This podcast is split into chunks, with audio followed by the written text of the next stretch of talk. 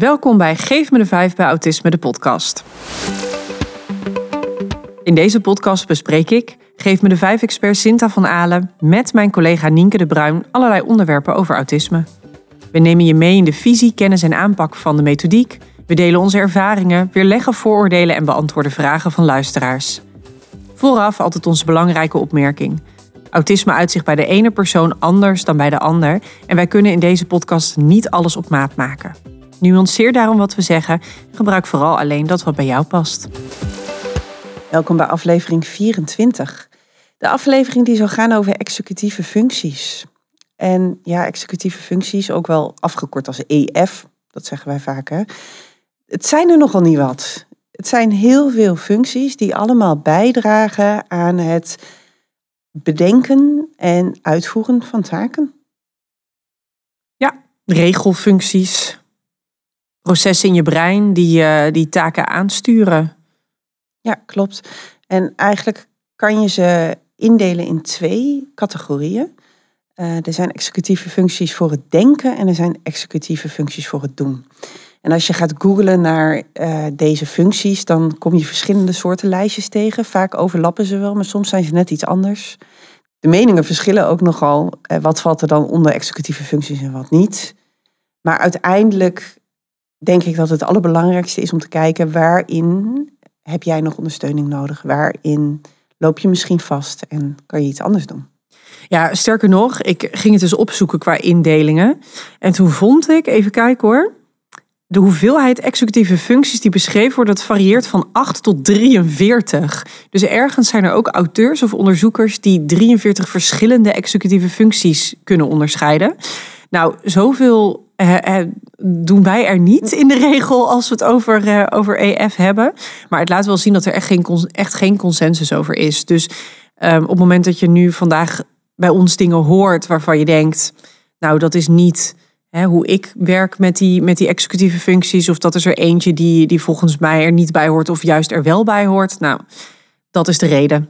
Er is gewoon geen overeenstemming over. Mm Zullen we even beginnen met ze allemaal wel noemen? Degene die, waar wij vanuit gaan. Ja.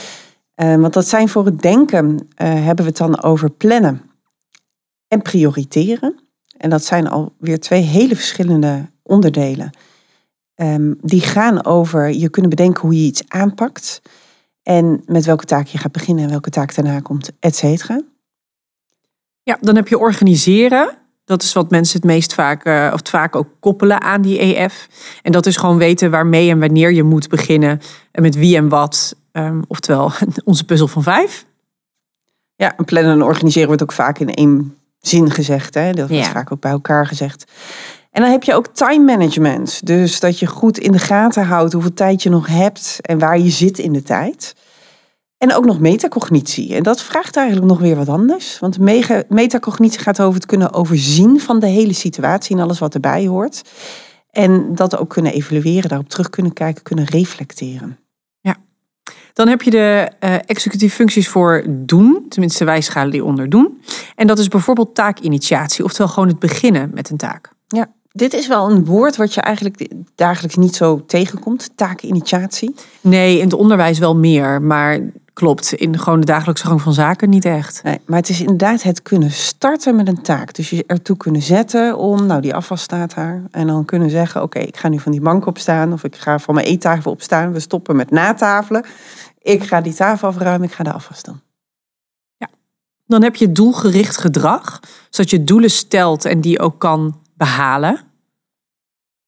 Responsinhibitie. En dat is dat je eerst gaat nadenken voordat je iets gaat doen. Dus niet direct reageert, maar oh, stop. Eerst even nadenken, eerst even voelen, stilstaan erbij. En dan pas ga ik naar over naar op actie. Ja, dan hebben we volgehouden aandacht. Oftewel dat je voor een langere tijd je ergens op kunt focussen. Voor een langere tijd in een bepaalde taak kan zitten. En niet de hit het afgeleid raakt tussendoor. Of andere dingen gaan doen. En emotieregulatie, daar hebben we al een hele aflevering aan gewijd. Nou, ik moet zeggen, volgens mij kunnen we aan al deze onderdelen apart een aflevering wijden. Um, dus het is ook een uitdaging om in deze aflevering overal goed bij stil te staan. Maar we gaan het, we gaan het proberen. Emotieregulatie is het kunnen uiten en controleren van je emoties. Ja, En dan hebben we als laatste nog flexibiliteit. Dat is natuurlijk wel een veelgebruikt woord, in ieder geval als het gaat over het eh, praten met en over autisme. Oftewel kunnen wisselen van, uh, van aanpak of kunnen wisselen van taak, kunnen wisselen in wat je op dit moment aan het doen bent. En wat eigenlijk niet met denken en doen te maken heeft, maar waarvan wij wel denken dat het echt essentieel is en eigenlijk ook een executieve functie is, is eh, wat er in je werkgeheugen zelf gebeurt. Want je werkgeheugen zelf heeft ook een belangrijke taak en dat is het onthouden van informatie terwijl je dus die taak aan het uitvoeren bent. Dus je hebt een heel plan gemaakt en, en, en uh, je wil iets gaan doen. Jouw werkgeheugen moet wel weten wat komt hierna en wat komt hierna. Ja, het beste voorbeeld daarvan, wat iedereen zich kan voorstellen, is hoofdrekenen. Dat op het moment dat je gaat hoofdrekenen, heb je bij uitstek je werkgeheugen nodig. Want je hebt, als jij bijvoorbeeld uh, eh, 312 plus uh, eh, 75 doet, dan heb je al, heeft iedereen heeft stappenplannen geleerd over hoe je dan bijvoorbeeld eerst 300 plus 70 doet. Maar als je dat dus gaat doen, dan moet je ondertussen vasthouden die 12 en die 4 die je nog over hebt dan moet je ondertussen, als je die 370 bij elkaar hebt opgeteld, moet je die 370 onthouden. Terwijl je daarnaast, nou ja, je snapt het wel, dat is echt je werkgeheugen aanspreken. En dat geldt bijvoorbeeld ook voor, nou jij noemde net even de afwas. Als jij hebt geleerd bij de afwas dat het handig is om bijvoorbeeld eerst de minst vieze dingen te wassen. En dan te gaan richting de, uh, de meest vieze dingen. Dus de, de aangekoekte pannen voor het laatste moment bijvoorbeeld bewaren. Ja, dan moet je dus wel ook in je dat kun je dan wel zo plannen. Maar dan moet je ook wel weer in je geheugen vasthouden. Um, wat ook alweer je volgorde is. En wat eerst komt terwijl je bezig bent. Zullen we eens kijken naar onze persoonlijke ervaring met executieve functies? Wat is het eerste voorbeeld wat bij jou opkomt als jij EF hoort?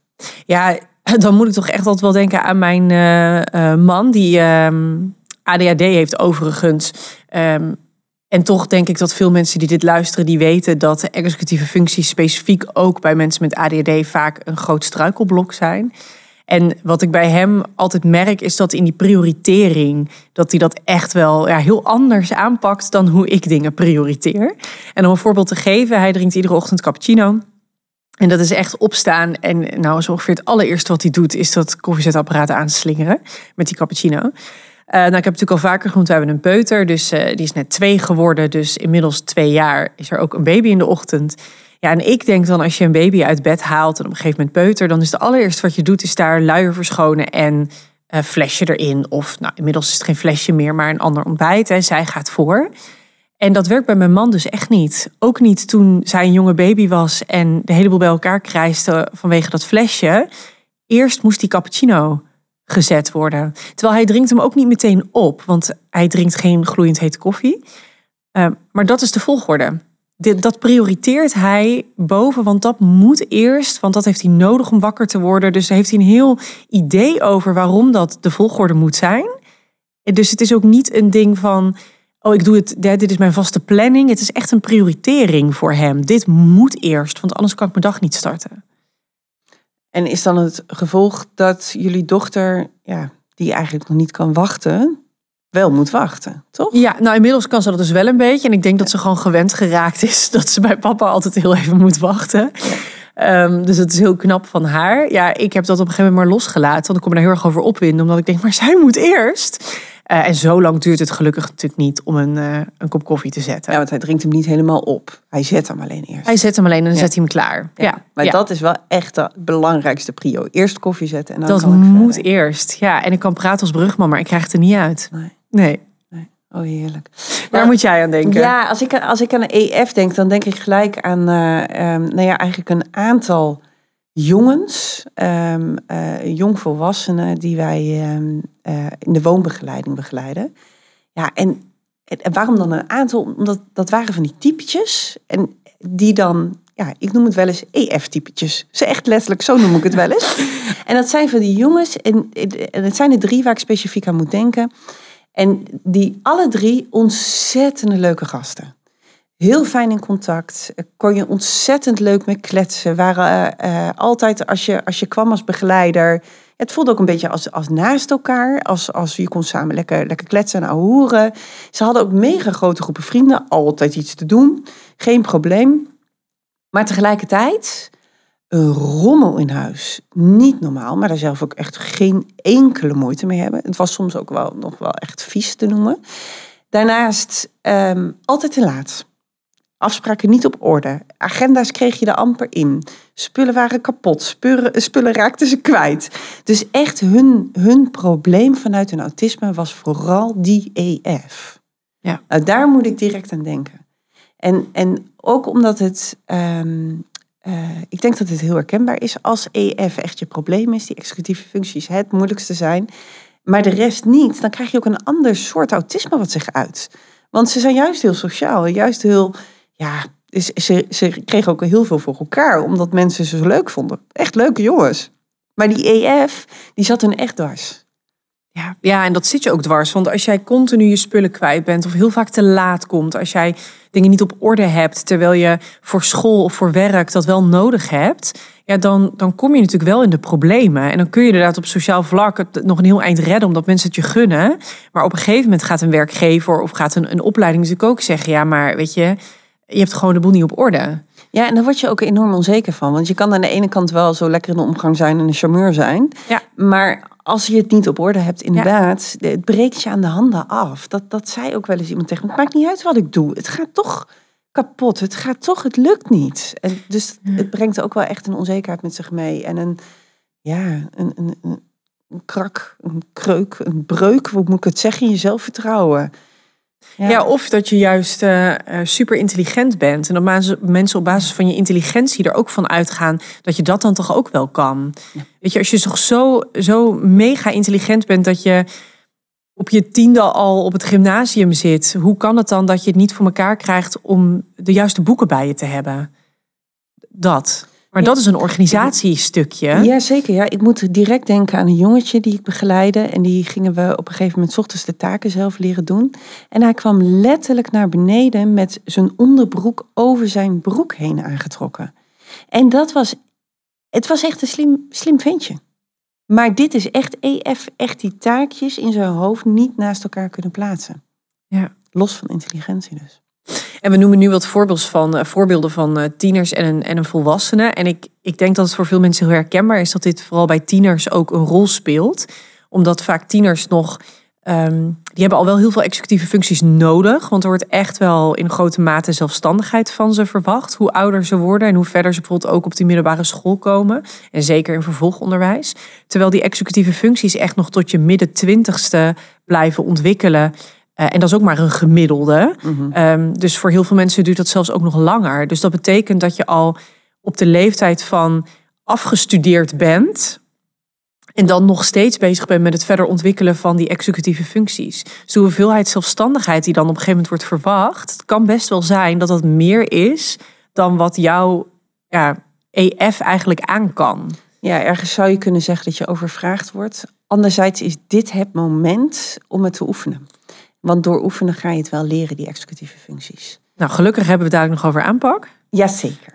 Dus dan uh, moeten we daar zeker maar even op terugkomen. Het verbaasde me ook niks dat we echt heel veel input hebben gekregen over dit onderwerp. Heel veel Omdat vragen. veel mensen er natuurlijk overigens voor alle leeftijden eh, tegenaan lopen. Dat ze willen weten hoe kan ik hierbij helpen en dit stimuleren. Want om nog even wat voorbeelden te noemen. Hè, we noemden net al dus het, het organiseren wat lastig is. Uh, het, het spullen uh, niet, uh, niet kwijtraken of heel houden. Uh, maar er zit natuurlijk nog veel meer bij waar je aan kunt denken. Ja, en ik moet direct denken aan dat sommige mensen juist kei, kei, kei goed zijn in plannen en organiseren.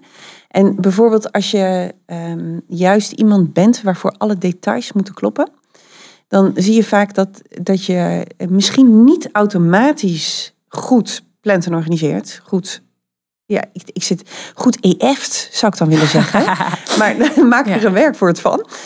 Um, het gaat niet automatisch, maar het is wel heel belangrijk voor je. Dus je gaat juist je daar heel erg uh, in um, vaardiger maken. Je gaat er veel meer mee bezig. Dus dan zie je van die, ja, vaak ook wel meiden, hè, die hun kamer heel netjes opgeruimd hebben. Vrouwen die alles labelen netjes in de kasten. Elke bak heeft iets. Ik weet nog dat ik bij mijn moeder thuis kwam. Die had zelfs haar koelkast gelabeld. Die had bakjes in de koelkast en daar zaten de voedingswaren in. En daarop zaten labeltjes. Dus je wist overal wat waar in de koelkast moet staan. Dus dan word je er zelfs extra goed in. Ja, daar, wordt, daar gaat mijn man dus ook heel lekker op. Omdat, dat dan, omdat hij weet, ik vind het lastig. Dus hoe steviger die organisatie staat, want dat is natuurlijk echt een stukje organiseren, des te meer rust hij heeft. Want dan heeft hij grip op iets waarvan hij weet dat hij het anders heel moeilijk vindt. Die ken ik ook, ja. Ja. Maar ja, weet je, wat je ook wat je tegenkomt, natuurlijk ook bij moeite hebben met executieve functies, is mensen die vaak veel te laat komen. Um, die, die een volledig verkeerde tijdsinschatting maken van hoe laat ze weg moeten of hoe lang ze met iets bezig zijn. Die dus dingen blijven beloven die, die ze niet kunnen waarmaken. En niet om, omdat ze niet welwillend zijn, maar omdat ze gewoon niet goed kunnen inschatten hoe lang ze ergens voor nodig hebben. Um, ja, waar kun je nog meer aan denken? Dat mensen veel de schuld buiten zichzelf leggen, omdat ze niet de metacognitie hebben om te, te kijken wat was mijn aandeel hierin en um, ja, hoe verhoudt zich dat tot wat er nu is gebeurd? Dat kun je veel tegenkomen. Moeite hebben met gewoon het starten van een taak. Dus wel weten, het moet gebeuren. Het misschien zelfs ook wel inplannen. Maar dan toch niet beginnen. Of pas een uur of twee uur later beginnen dan dat eigenlijk was afgesproken. Het toezetten lukt dan niet. Ja.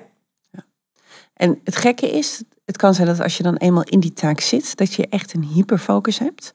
En dat het stoppen niet meer lukt. En dat heeft dan weer te maken met de flexibiliteit van het overgaan van de ene taak naar de andere. Het stoppen en weer. Of het parkeren. Ik parkeer nu deze taak. Ik had gepland er nog mee door te gaan. Ik ga nu over naar de andere en ik kom er straks weer bij terug. Ja, ja, en die flexibiliteit is natuurlijk iets wat, wat we al vaker rondom het stukje autisme hebben besproken, omdat dat iets is wat voor veel mensen met A6 lastiger is. Dat als iets eenmaal op een bepaalde manier gepland staat, om daar dan weer in te schuiven en te wisselen. Maar het vraagt dus ook letterlijk veel van je brein om te switchen. Ehm, nog meer als je autisme hebt en heel veel ja, grip hebt, juist uh, heel veel grip houdt dankzij die planning, dan heb je daar nog meer last van. Uh, tegelijkertijd is het dus iets wat ook gewoon veel vraagt om te switchen. Ja, en hoe kan dat dan? Waarom is dit dan zo lastig bij autisme? Nou, überhaupt, als we even weer uitzoomen waarom executieve functies lastiger zijn bij autisme, dan zijn dat twee dingen. En het eerste is dat je vaak ziet dat bij autisme de interne spraak wat uh, minder sterk ontwikkeld is of wat later ontwikkeld wordt. En interne spraak, dat herken je Ehm, dat is dat, dat stemmetje wat niet iedereen overigens, maar wat veel mensen hebben in hun hoofd, die ze aanstuurt. En als je een hele moeilijke taak hebt, dan merk je dat je dat wat bewuster doet. Dat je wat bewuster die stem in je hoofd hebt, of dat je het zelfs hardop doet. Als je iets kwijt bent en je hebt heel veel haast, dat je denkt, ja, waar heb ik die sleutels neer? Ik kwam binnen en toen liep ik hier door de deur en toen heb ik die tas gepakt, dus dan moet het. Dat is echt je interne spraak. En je herkent het bijvoorbeeld bij hele kleine kinderen, die doen dat hardop. Dus kinderen die net leren praten tot echt wel ruim uh, einde kleuterleeftijd, die doen heel veel interne spraak hardop. En ik zie altijd bij kinderen met A6 dat ze dat nog veel langer doen, omdat ja, het heet interne spraak, maar als ze het dus hardop doen, dan zit het nog niet in het hoofd, maar dan hebben ze het nodig om zichzelf te ondersteunen. Dus dat zijn die kinderen die tijdens het werken in de klas hardop uh, uitspreken wat de opdracht is of wat ze moeten doen. En tot grote ergernis van de kinderen om hen heen. Die zeggen, ik probeer ook te werken. Maar als je dan vraagt of ze stil willen zijn. Dan neem je ze dus die interne spraak af. En dan kunnen ze zelf waarschijnlijk ook niet meer in de taak. Want ze moeten dat nog hardop doen. Dus dat is, dat is één deel. Klopt. En het is ook op zich wel heel fijn hoor, als die interne spraak nog hardop gaat, dan kan je precies volgen wat er gebeurt. Het geeft je wel heel veel informatie. Ja, het geeft je als buitenstaander, dus bijvoorbeeld als leerkracht, maar ook als ouder of begeleider heel veel informatie. Maar voor de leerkracht die denkt, ja leuk, maar 29 kinderen die er last van hebben, dan kun je wel tegen kinderen zeggen dat ze bijvoorbeeld het hardop zeggen zonder geluid. Dus dat ze de mondbewegingen maken. Um, maar dan in hun zachtste fluisterstem, of als het lukt, zelfs zonder geluid. Dat soms kunnen kinderen dat al wel. En dan neem je het toch niet helemaal af. Goeie. Maar er is nog een tweede oorzaak. Ja, de tweede oorzaak gaat over het moeite hebben met betekenis verlenen. Ja, en die komt er eigenlijk vanuit alle achterstoringen die in het brein kunnen plaatsvinden. Die gaat over de informatieverwerking. Om je executieve functies goed op orde te hebben, eh, heb je zoveel samenhang nodig heb je zoveel zicht nodig op de taak die gedaan moet. Ja, je, je, je noemde het net al, de hele puzzel eigenlijk, hè? Ja. ja, om een voorbeeld te noemen. Ik probeer eh, een zomervakantie te boeken nu.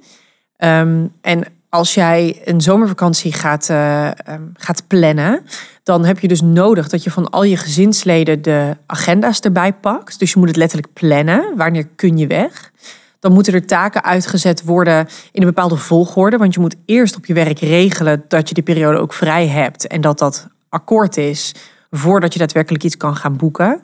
Maar als je dan iets gaat boeken, dan moet je ook weer rekening houden met het budget wat je hebt. Wat weer gaat op basis van wat er op je bankrekening staat. Maar je weet ook dat er vakantiegeld nog binnenkomt. Dus als je het hebt over dat er heel veel taken bij komen kijken. En dan moet je weer op tijd je realiseren dat als je um, bij, over bepaalde grenzen gaat, dat je natuurlijk een identiteitsbewijs nodig hebt, maar misschien ook wel een paspoort. En als je een paspoort nodig hebt, daar, en je moet die weer opnieuw aanvragen omdat die bijvoorbeeld verlopen is, heb je pasfoto's voor nodig. Wat een heerlijk voorbeeld dit. Want als ergens doelgericht gedrag voor nodig is, volgehouden aandacht, dan is dit het wel. Ja, maar tegelijkertijd is dit ook weer niet helemaal volgehouden aandacht. Want er zijn heel veel kleine taakjes en je kunt die niet in één reeks afronden. En dat is voor sommige mensen juist weer heel moeilijk. Dat het allemaal dingen zijn waar je iedere keer even voor moet wachten. Je moet wachten tot je weer op je werk bent. Je moet wachten tot je daar de toestemming krijgt. Dan moet je een afspraak maken bij het gemeentehuis voor dat, voor dat paspoort. En dan moet je wachten tot die afspraak is. Dus er, dat is juist voor sommige mensen weer moeilijker dan dat ze kunnen gaan zitten en kunnen zeggen: Nou ga ik die taken afronden. Ja, heel logisch ook, want je moet continu schakelen. Want jij gaat je normale leven weer doen en dan krijg je weer informatie die jij nodig had. Dan pak je die informatie erbij, denk je: Oké, moet ik nu weer een volgende taak doen? Of moet ik nog even wachten op iets anders voordat ik weer verder kan? Maar als je te lang wacht, dan is of je, je werkagenda staat al iets in en dan kun je niet meer vrijnemen. Uh, of de vliegtickets zijn onbetaalbaar geworden, of die accommodatie die je wilde is volgeboekt. Um, dus Dit vraagt dus ook weer heel veel van je werkgeheugen. Waar het vraagt je alle stappen in moet onthouden. Ja, nou ja, het, overduidelijk bezet het mijn werkgeheugen dat ik het nu als voorbeeld geef. Want ik zit midden in het afvinken van al die taken. Maar als je het hebt over moeite met betekenis verlenen. Weet je, doelgroep van mensen met autisme is onwijs goed met details. Krijgen heel veel details binnen. En jij zei heel terecht, Nienke, je moet daar samenhang over maken. Um, maar weet je, je moet dan in, als je executieve functies inzet, daar het is inderdaad het prioriteren van um, op tijd zo'n vakantie regelen, want anders wordt het te duur of is het volgeboekt. Het, het is het flexibel zijn in dat als dan dus terugkomt dat je uh, dat iets, um, nou bijvoorbeeld dat die week die jij bedacht had niet kan op je werk, dat je weer naar een andere week moet. Eh, er zitten zo, al die executieve functies die, die komen daarin in voort. Misschien als je accommodatie inderdaad volgeboekt blijkt, je moet naar een andere, dat er ook wel emotieregulatie bij komt kijken, omdat je heel gefrustreerd bent dat je niet meer naar dat ene mooie vakantiepark kan. Ja, ik weet het niet. Um, maar je ziet gewoon. Ja, en dit is een wat complexere taak die over verschillende momenten uh, uh, gepland wordt, zeg maar, die je uitvoert op verschillende momenten. Maar executieve functies um, gaan ook over kleinere taken, maar het gaat over al het gedrag. Dus niet alleen de taken die je uitvoert, niet alleen wat je doet, maar het gaat ook over de, eigenlijk wat je denkt. En het gaat ook over wat je voelt. Dus het gaat ook inderdaad, stel je voor, iemand lukt het dan niet om te plannen en die week gaat niet door en jij hebt je op die week ingezet, dan gaat het dus ook over die emotieregulatie. En het gaat ook over responsinhibitie. Oké, ik ga nu even wachten. Ik ga niet reageren. Ik ga even mezelf stoppen. Ik ga dit verpuzzelen en daarna kom ik er weer op terug. Ja. En om nog even een onderwijsvoorbeeld te geven, wat je vaak ziet bij bijvoorbeeld taakinitiatie, leerlingen die niet, um, die niet beginnen. En dat dit kom je in het onderwijs natuurlijk veel al tegen, want je hebt gewoon een rooster en er staat op een gegeven moment op het rooster dat het spelling is. Maar als een leerling een half uur tijd heeft voor spelling en die begint pas na 20 minuten, dan komt hij vervolgens ook altijd in de knoop met het afmaken ervan. En dat is natuurlijk vervelend. Dus ik, ik hoor vaak van, van leerkrachten en docenten dat het starten echt een groot probleem is, wat ook weer grote consequenties heeft. En wat je heel vaak ziet, is dat, dat bij het starten van een taak, dat er of sprake is van ook weer moeite hebben met flexibiliteit. Dus leerlingen die zitten nog in uh, het rekenen en dan moeten ze over naar spelling. En dat gaat dan te snel, dus daar kunnen ze niet flexibel genoeg mee omgaan, waardoor het heel lang duurt voordat ze kunnen starten met spelling. Maar nog vaker zie je dat de puzzel van vijf eigenlijk niet duidelijk is. Dus hoe ze moeten beginnen daar ontbreken stukjes informatie. En waar je dan ziet dat sommige kinderen zonder autisme dan zelf denken, nou weet je wat ik doe? Ik spreek even bij mijn buurman wat nou ook weer het paginanummer was en dan kom ik er ook wel. Of ik begin gewoon en dan zie ik wel waar het schip strandt. Of dan sla ik die eerste twee even over, want die vraag die snap ik niet en dan kom ik daar later op terug. En dat is vaak voor die kinderen met A6 heel moeilijk, want dit is de volgorde. Ze willen het ook goed doen en het, het moet ook kloppen. En dan missen ze de, de strategieën ook en ook de, de, de tools om dan toch van start te gaan. Dus beginnen ze dan maar gewoon niet. En dan blijven ze een soort van bevroren soms zitten. Of ze gaan buurten bij, uh, bij klasgenoten. En dan denk je als leerkracht ook, nou, sta je nou daar te geinen? Kom, je moet aan de slag. Maar dan blijkt gewoon dat, die, dat het gewoon niet duidelijk was wat er precies moest gebeuren of hoe. Ja, en die strategieën aanleren gaat inderdaad minder vanzelf als bij andere kinderen, maar we kunnen dat wel doen. Laten we daar eens even naar gaan kijken. Want hoe pak je dit nou aan? Hoe zorg je ervoor dat die executieve functies, dat dat beter loopt, dat dat beter lukt? Nou, globaal zijn daar drie dingen voor nodig. Als jij een nieuwe taak wil aanleren, als jij nieuwe vaardigheden aan wil leren, dan zijn er drie dingen die moeten kloppen. En de eerste noem je net al, dat gaat over het duidelijk maken op de vijf van de taak. En het duidelijk op de vijf maken hebben we al bij stilgestaan in de aflevering over de puzzel van vijf. En uh, daarin vertellen we ook hoe belangrijk de hoe daarin is. Wat je net heel mooi noemt bij het starten van de taak, eigenlijk is dat ook al kan een puzzel op zich zijn. Want op het moment dat die start lastig is, maak dan een puzzel van hoe je gaat starten. Kan je er een voorbeeld van noemen? Hoe je nou, wat, wat bijvoorbeeld veel, um, veel scholen wel hebben, is dat ze een, een, klein taakstructuurtje hebben voor zelfstandig werken. Wat dan bijvoorbeeld op de tafel, vlak bij de tafel wordt geplakt. En dat bestaat uit um, je, je boek op de juiste bladzijde. En dan is het volgende plaatje is um, je etui pakken als je dat hebt, of een pen of potlood of iets in die richting. En dan is het plaatje daarna is eh, je werkt in stilte 20 minuten en nou, enzovoort, enzovoort. En die kun je bij iedere keer dat zelfstandig werken uh, wordt, uh, wordt gedaan, kun je dat toepassen. Ja. ja, en als je het dan bijvoorbeeld hebt over de afwas, dan kan, zou je kunnen zeggen: Oké, ik ga het gewoon inplannen. Ik ga dus de wanneer heel duidelijk maken. Elke avond na te eten, als we klaar zijn met eten, dan mag ik nog vijf minuten blijven zitten daarna. En dan ga je hem klein maken. Sta ik op, loop ik naar het aanrecht, pak ik de afwasborstel en ga ik starten. En door die kleine stapjes te gaan noemen, en dat doe jij ook bij jouw structuurtje voor het zelfstandig werken, en dat gebeurt hier ook, je maakt het klein. Daardoor uh, ga je inderdaad het uh, makkelijker maken om de start te maken. Ja. Ja. ja, die 100% duidelijk, die is echt cruciaal. En daar hebben we inderdaad al een hele aflevering over. Dus als je wil weten hoe je dat doet, dan beluister vooral even die aflevering. Maar ik denk dat veel mensen dit zullen horen, bijvoorbeeld over die afwas. En die denken, ja, ik kan het inplannen totdat ik een ons weeg. Maar puntje bij paaltje doe ik het niet. En dan kan het zijn dat we zitten op de tweede pijler. En dat is de intrinsieke motivatie. Dat je niet daadwerkelijk gemotiveerd bent om het te doen. En van mensen um, met autisme weten we dat dat soms is omdat ze de waarom van iets echt nodig hebben om in de taak te komen.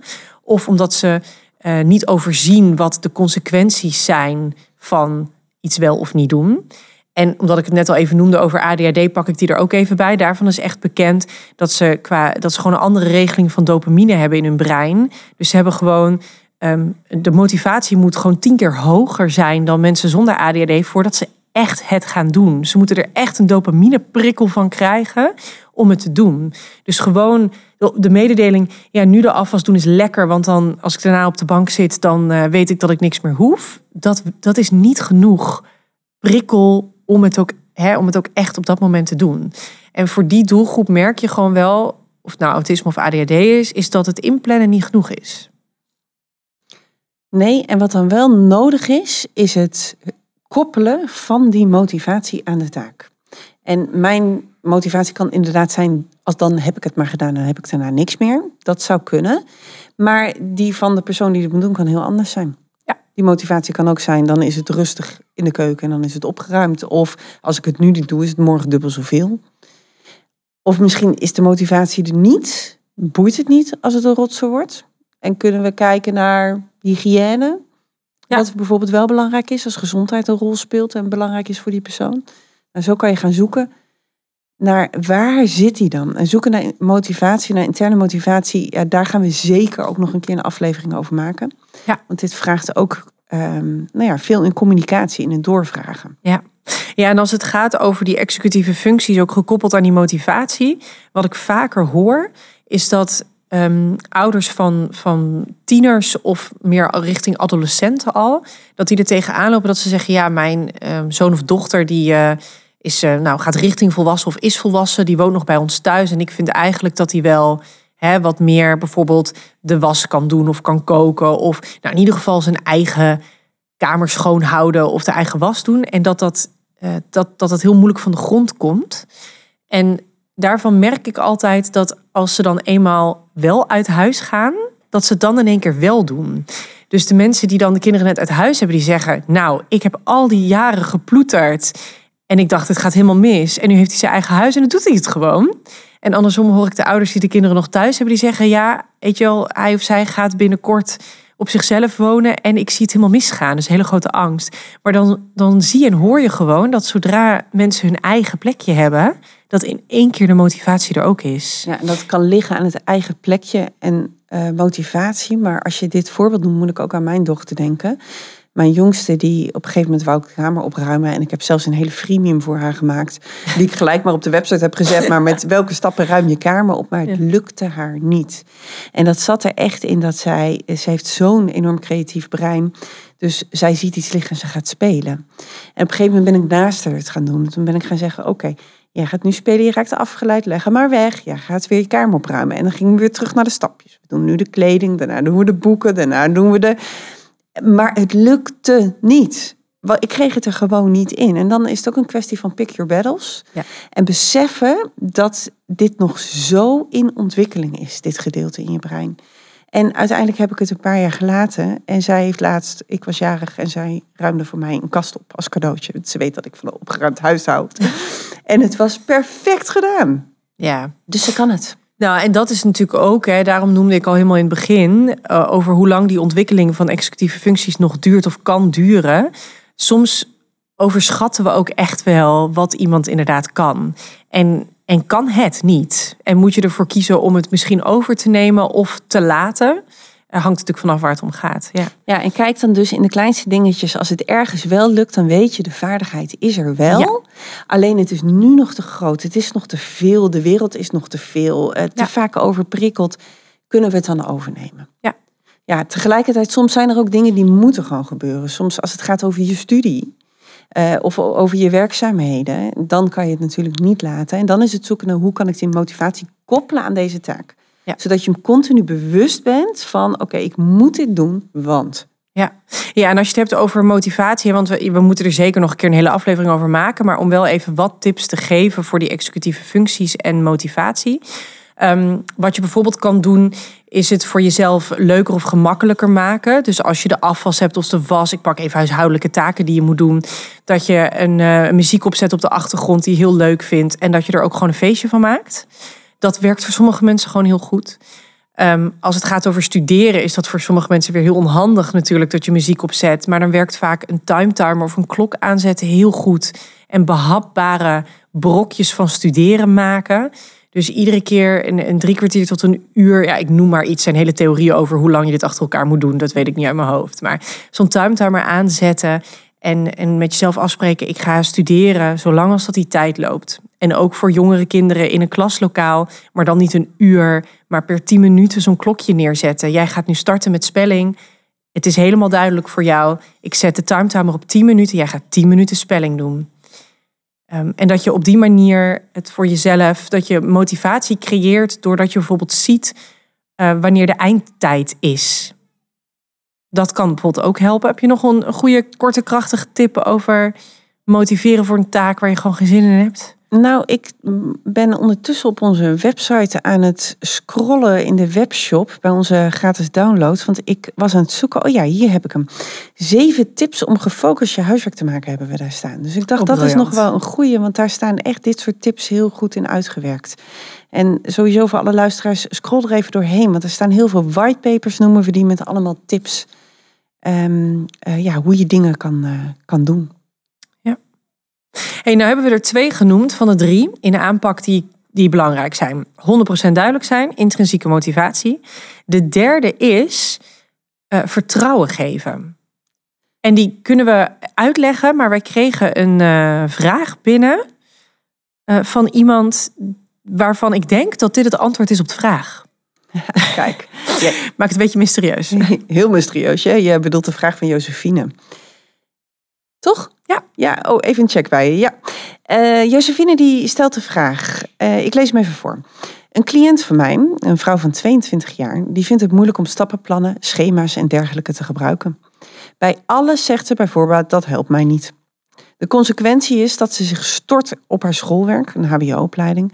En op het laatste moment gaat ze daar pas aan beginnen, waardoor ze oververmoeid en overprikkeld raakt. Ja, dat snap ik. Als je last minute begint, dan raak je in de stress, want dan is het te veel, niet meer te overzien. En dan nou ja, weet je eigenlijk al dat je het niet meer haalt.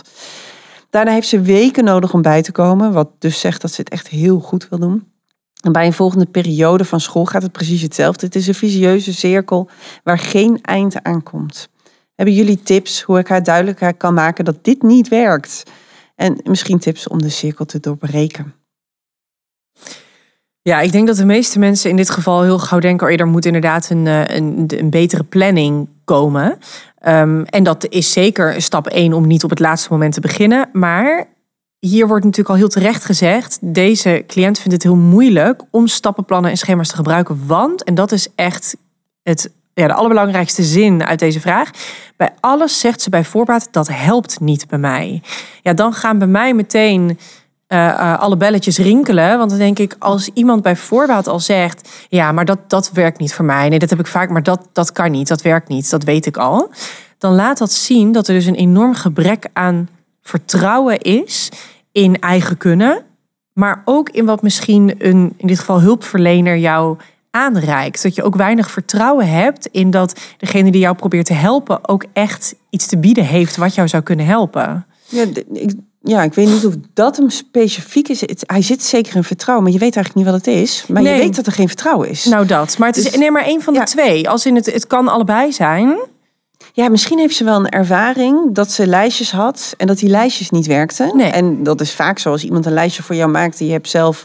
Ja, je gaat, een lijstje is ook vaak niet in één keer goed, een stappenplan. Dat moet je ook mee stoeien, dat moet je ook. Maar als ze dat niet weet, dan kan ook daar ja, vandaan komen dat ze geen vertrouwen heeft natuurlijk. Ja, en die, die derde pijler is dus vertrouwen, omdat het, het vertrouwen in, in jezelf, het vertrouwen dat iets gaat lukken, het vertrouwen dat je van een ander krijgt dat jij het kan en dat het gaat lukken, uh, dat is vaak ook cruciaal om iets te doen en ergens mee aan de slag te gaan. Ja.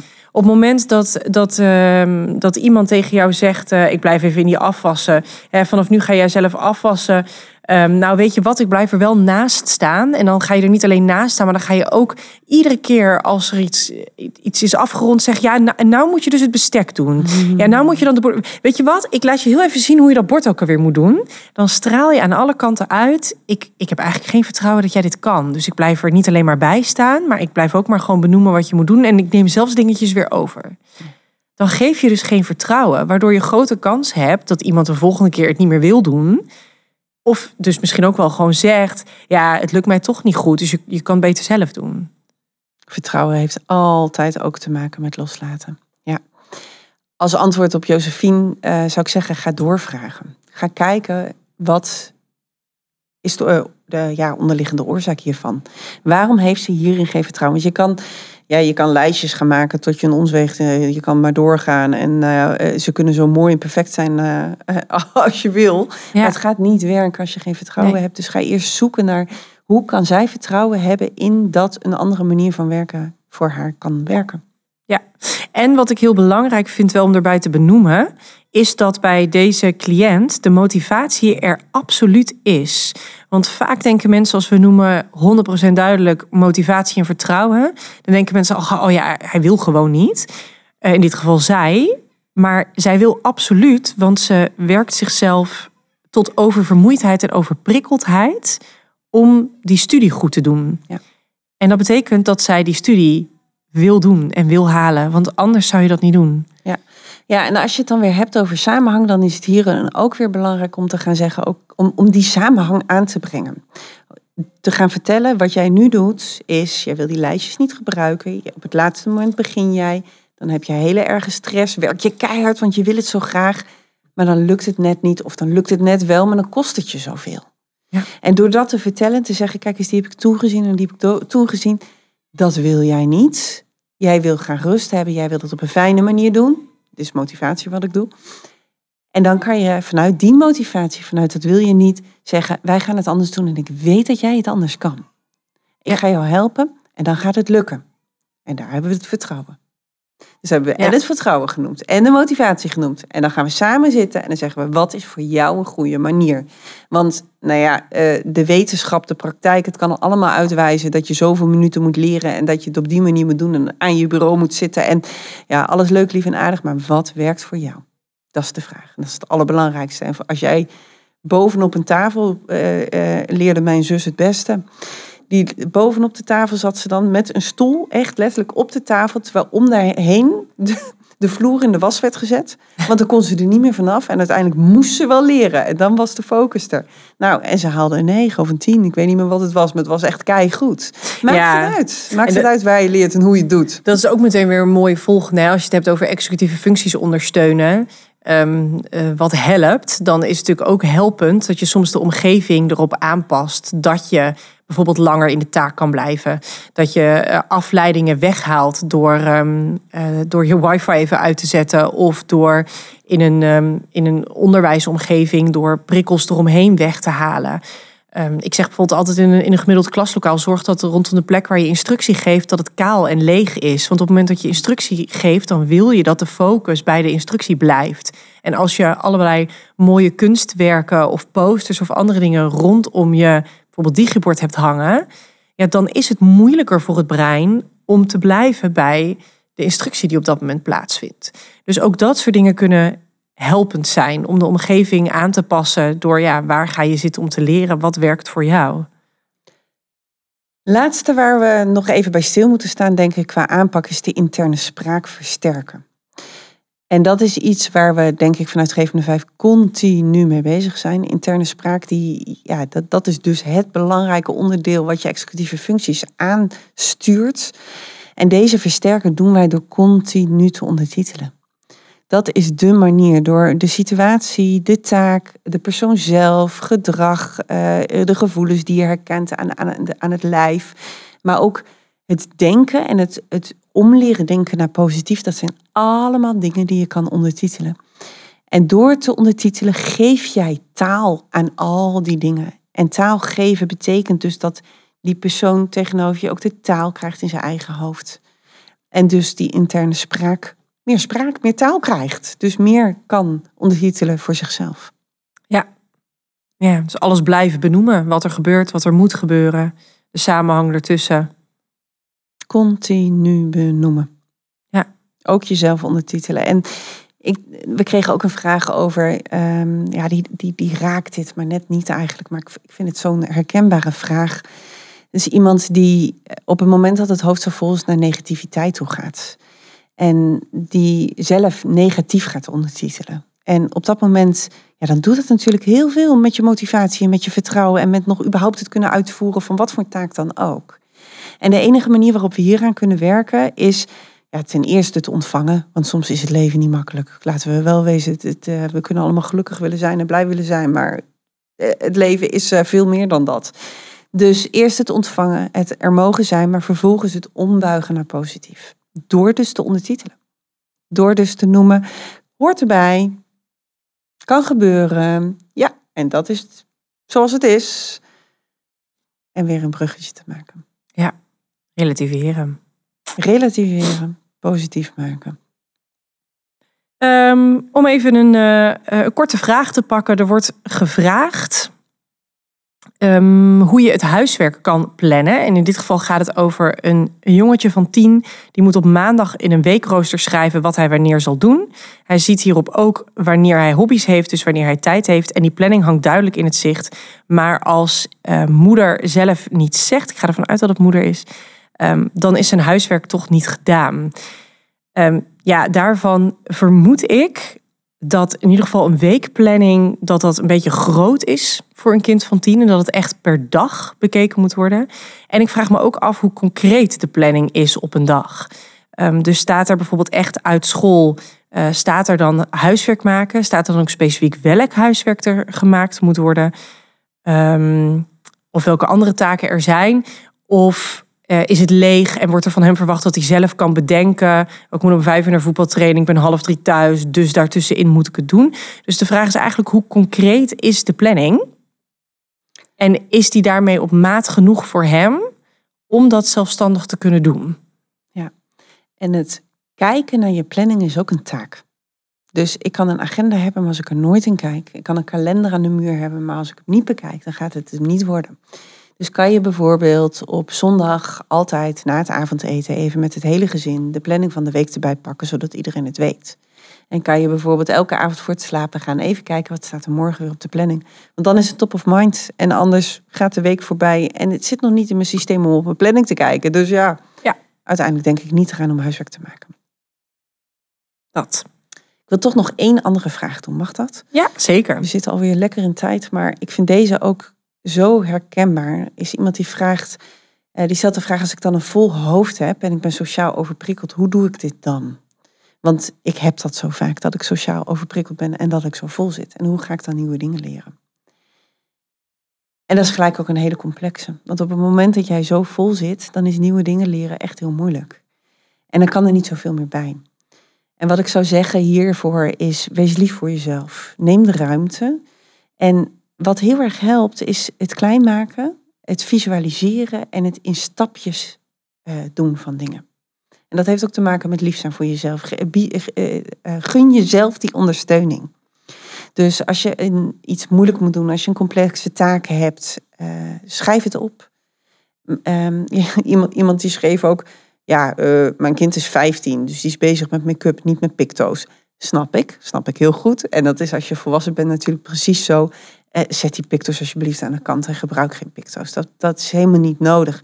Maar een lijstje met de taken die je moet doen kan gewoon heel erg helpen. Dan kan je even spieken en dan kan je er even naar kijken. Ja, of een app, als je het hebt over tijdsbesef. zijn ook wel apps waar je je taken in kan zetten. En dat zijn dus in zekere zin ook een soort picto's of plaatjes. Maar waarbij je iedere keer als je een taak hebt afgerond, kun je hem wegswipen. En dan komt meteen een nieuwe taak komt weer terug naar voren. En volgens mij geeft hij ook zelfs een alarmpje als je te lang niet hebt geswiped. In de zin van, hallo, ben je dit nog wel aan het doen? Want je zou nu zo ongeveer klaar moeten zijn om op tijd te komen, bijvoorbeeld op school. En dat, dat, dat is gewoon een, een ja, modernere, maar ook um, iets meer gepast op adolescenten en volwassenen versie van een lijn met picto's. Ja, en wat natuurlijk heel goed kan, hè, is, dit gaat hier ook specifiek over vol hoofd. En op dagen dat je hoofd heel vol zit, dan zijn dingen die je normaal gesproken kan, lukken dan misschien in één keer niet. En daarbij is het heel normaal dat als je uh, misschien geen structuur meer nodig hebt of hem überhaupt niet nodig had, dat je die op sommige andere dagen in één keer even wel nodig hebt. Dus als iemand een, eh, een, een, ooit een structuur heeft gehad voor aankleden en die eigenlijk niet meer nodig heeft, dan kun je dagen treffen waarop het weer even opnieuw wel nodig is. Omdat het hoofd gewoon te vol zit om zelf de stappen helemaal te plannen en uit te voeren. Uh, of dat jij normaal gesproken alles gewoon in je werkgeheugen kan houden. Maar dat het nu even een periode is waarop je in één keer lijstjes nodig hebt en het even moet opschrijven. Omdat je het anders gewoon vergeet. Ja, dat is heel menselijk. En dat is ook oké. En zodra je merkt, ook ik heb wel weer ruimte. Nou, dan gaat je structuur weer weg. Of dan kan je lijstje weer weg. Want dan kun je gewoon weer bouwen op je vertrouwen op je werkgeheugen. Ook goed. Ja. Dan nog de aller, aller, allerlaatste tip voor alle leerkrachten die tegenover een klas met 30 plus leerlingen staan en denken, hoe doe ik dit in die drukte, in die chaos? Ik, ik zie zo'n kind en die wil iets leren en, het, en er gebeurt van alles en ik heb niet veel tijd om ernaast te gaan zitten. En dat kind heeft ook heel veel eh, prikkels. Uh, daarop is het antwoord structuur.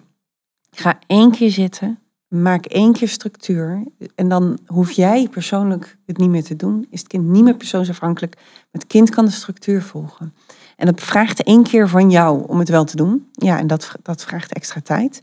Maar daarna kan die zelf die structuur volgen en kan het gaan insluiten volgens die structuur. Ja, en het is een beetje een inkoppertje, maar toch nog een keer gezegd hebben: denk ook na over dingen als de plek in de klas van deze leerling. Want als jij een hele goede structuur op het bord hebt staan met echt veel uitleg over bijvoorbeeld welke bladzijde bij welke taak en dergelijke, maar deze leerling zit helemaal achter in de klas, ehm, dan heb je kans dat daardoor jouw planning niet goed aankomt. Of als die leerling uh, op een plek zit waarbij hij heel veel andere leerlingen de hele tijd in het vizier heeft. Of waarbij hij als hij zijn spullen moet pakken de hele tijd langs vijf andere tafels moet. Waardoor die gaat buurten en andere dingen gaat doen. Of misschien is te dicht bij het raam zitten voor die leerling niet handig, want dan rijdt het het verkeer langs. Nou, waar, wat de goede plek is, is afhankelijk van het kind. Um, maar dat soort kleine dingen kunnen ook helpen. Wat ziet de leerling vanuit de plek waar hij of zij zit op dagelijkse basis? Ja, die kunnen een wereld van verschil maken. Ja. Goed, dat was onze aflevering over executieve functies bij autisme. Um, dit is eigenlijk wel grotendeels na te lezen ook op onze website. Want daar hebben we een artikel staan over executieve functies. Twee artikelen zelfs. Uh, ik zou een uh, link toevoegen in de show notes. Daarnaast staat er nog een ander linkje in de show notes. En dat gaat naar een enquête toe. Dus een enquête over de podcast. Wij horen namelijk heel graag wat jullie ervan vinden van de podcast. En of jullie misschien nog tips hebben voor ons. En um, de, ja, mensen, hij is al ingevuld door heel wat mensen. En die deden er gemiddeld vier minuten over. Dus nou, dat is, uh, dat is appeltje eitje, zou je zo zeggen. Het zou super zijn als jullie deze enquête ook willen invullen en ons zo verder willen helpen. In de volgende aflevering, aflevering 25, zullen wij stil gaan staan bij psycho-educatie geven bij autisme. Dus het uitleg geven over wat autisme is aan de omgeving of aan de persoon zelf. Hoe doe je dat en wat zijn daar leuke tips bij? Suzanne Rauhorst sluit bij ons aan uh, bij die aflevering om hierover mee te praten. Dankjewel voor het luisteren. Als je je nou abonneert, dan word je op de hoogte gebracht zodra er weer een nieuwe aflevering online komt. Vergeet niet om ook een reactie op de aflevering achter te laten. Dat kan altijd waar je de aflevering hebt beluisterd, maar ook op onze social media. Als je meer wil leren over Geef me de 5 of over de downloads die deze aflevering ook zijn genoemd, kijk dan eventjes op de website www.geefmede5.nl. Als je nog vragen of opmerkingen hebt over deze aflevering, die mag je sturen naar podcast.geefmede5.nl. En dat is Geef me de 5 met het cijfer 5.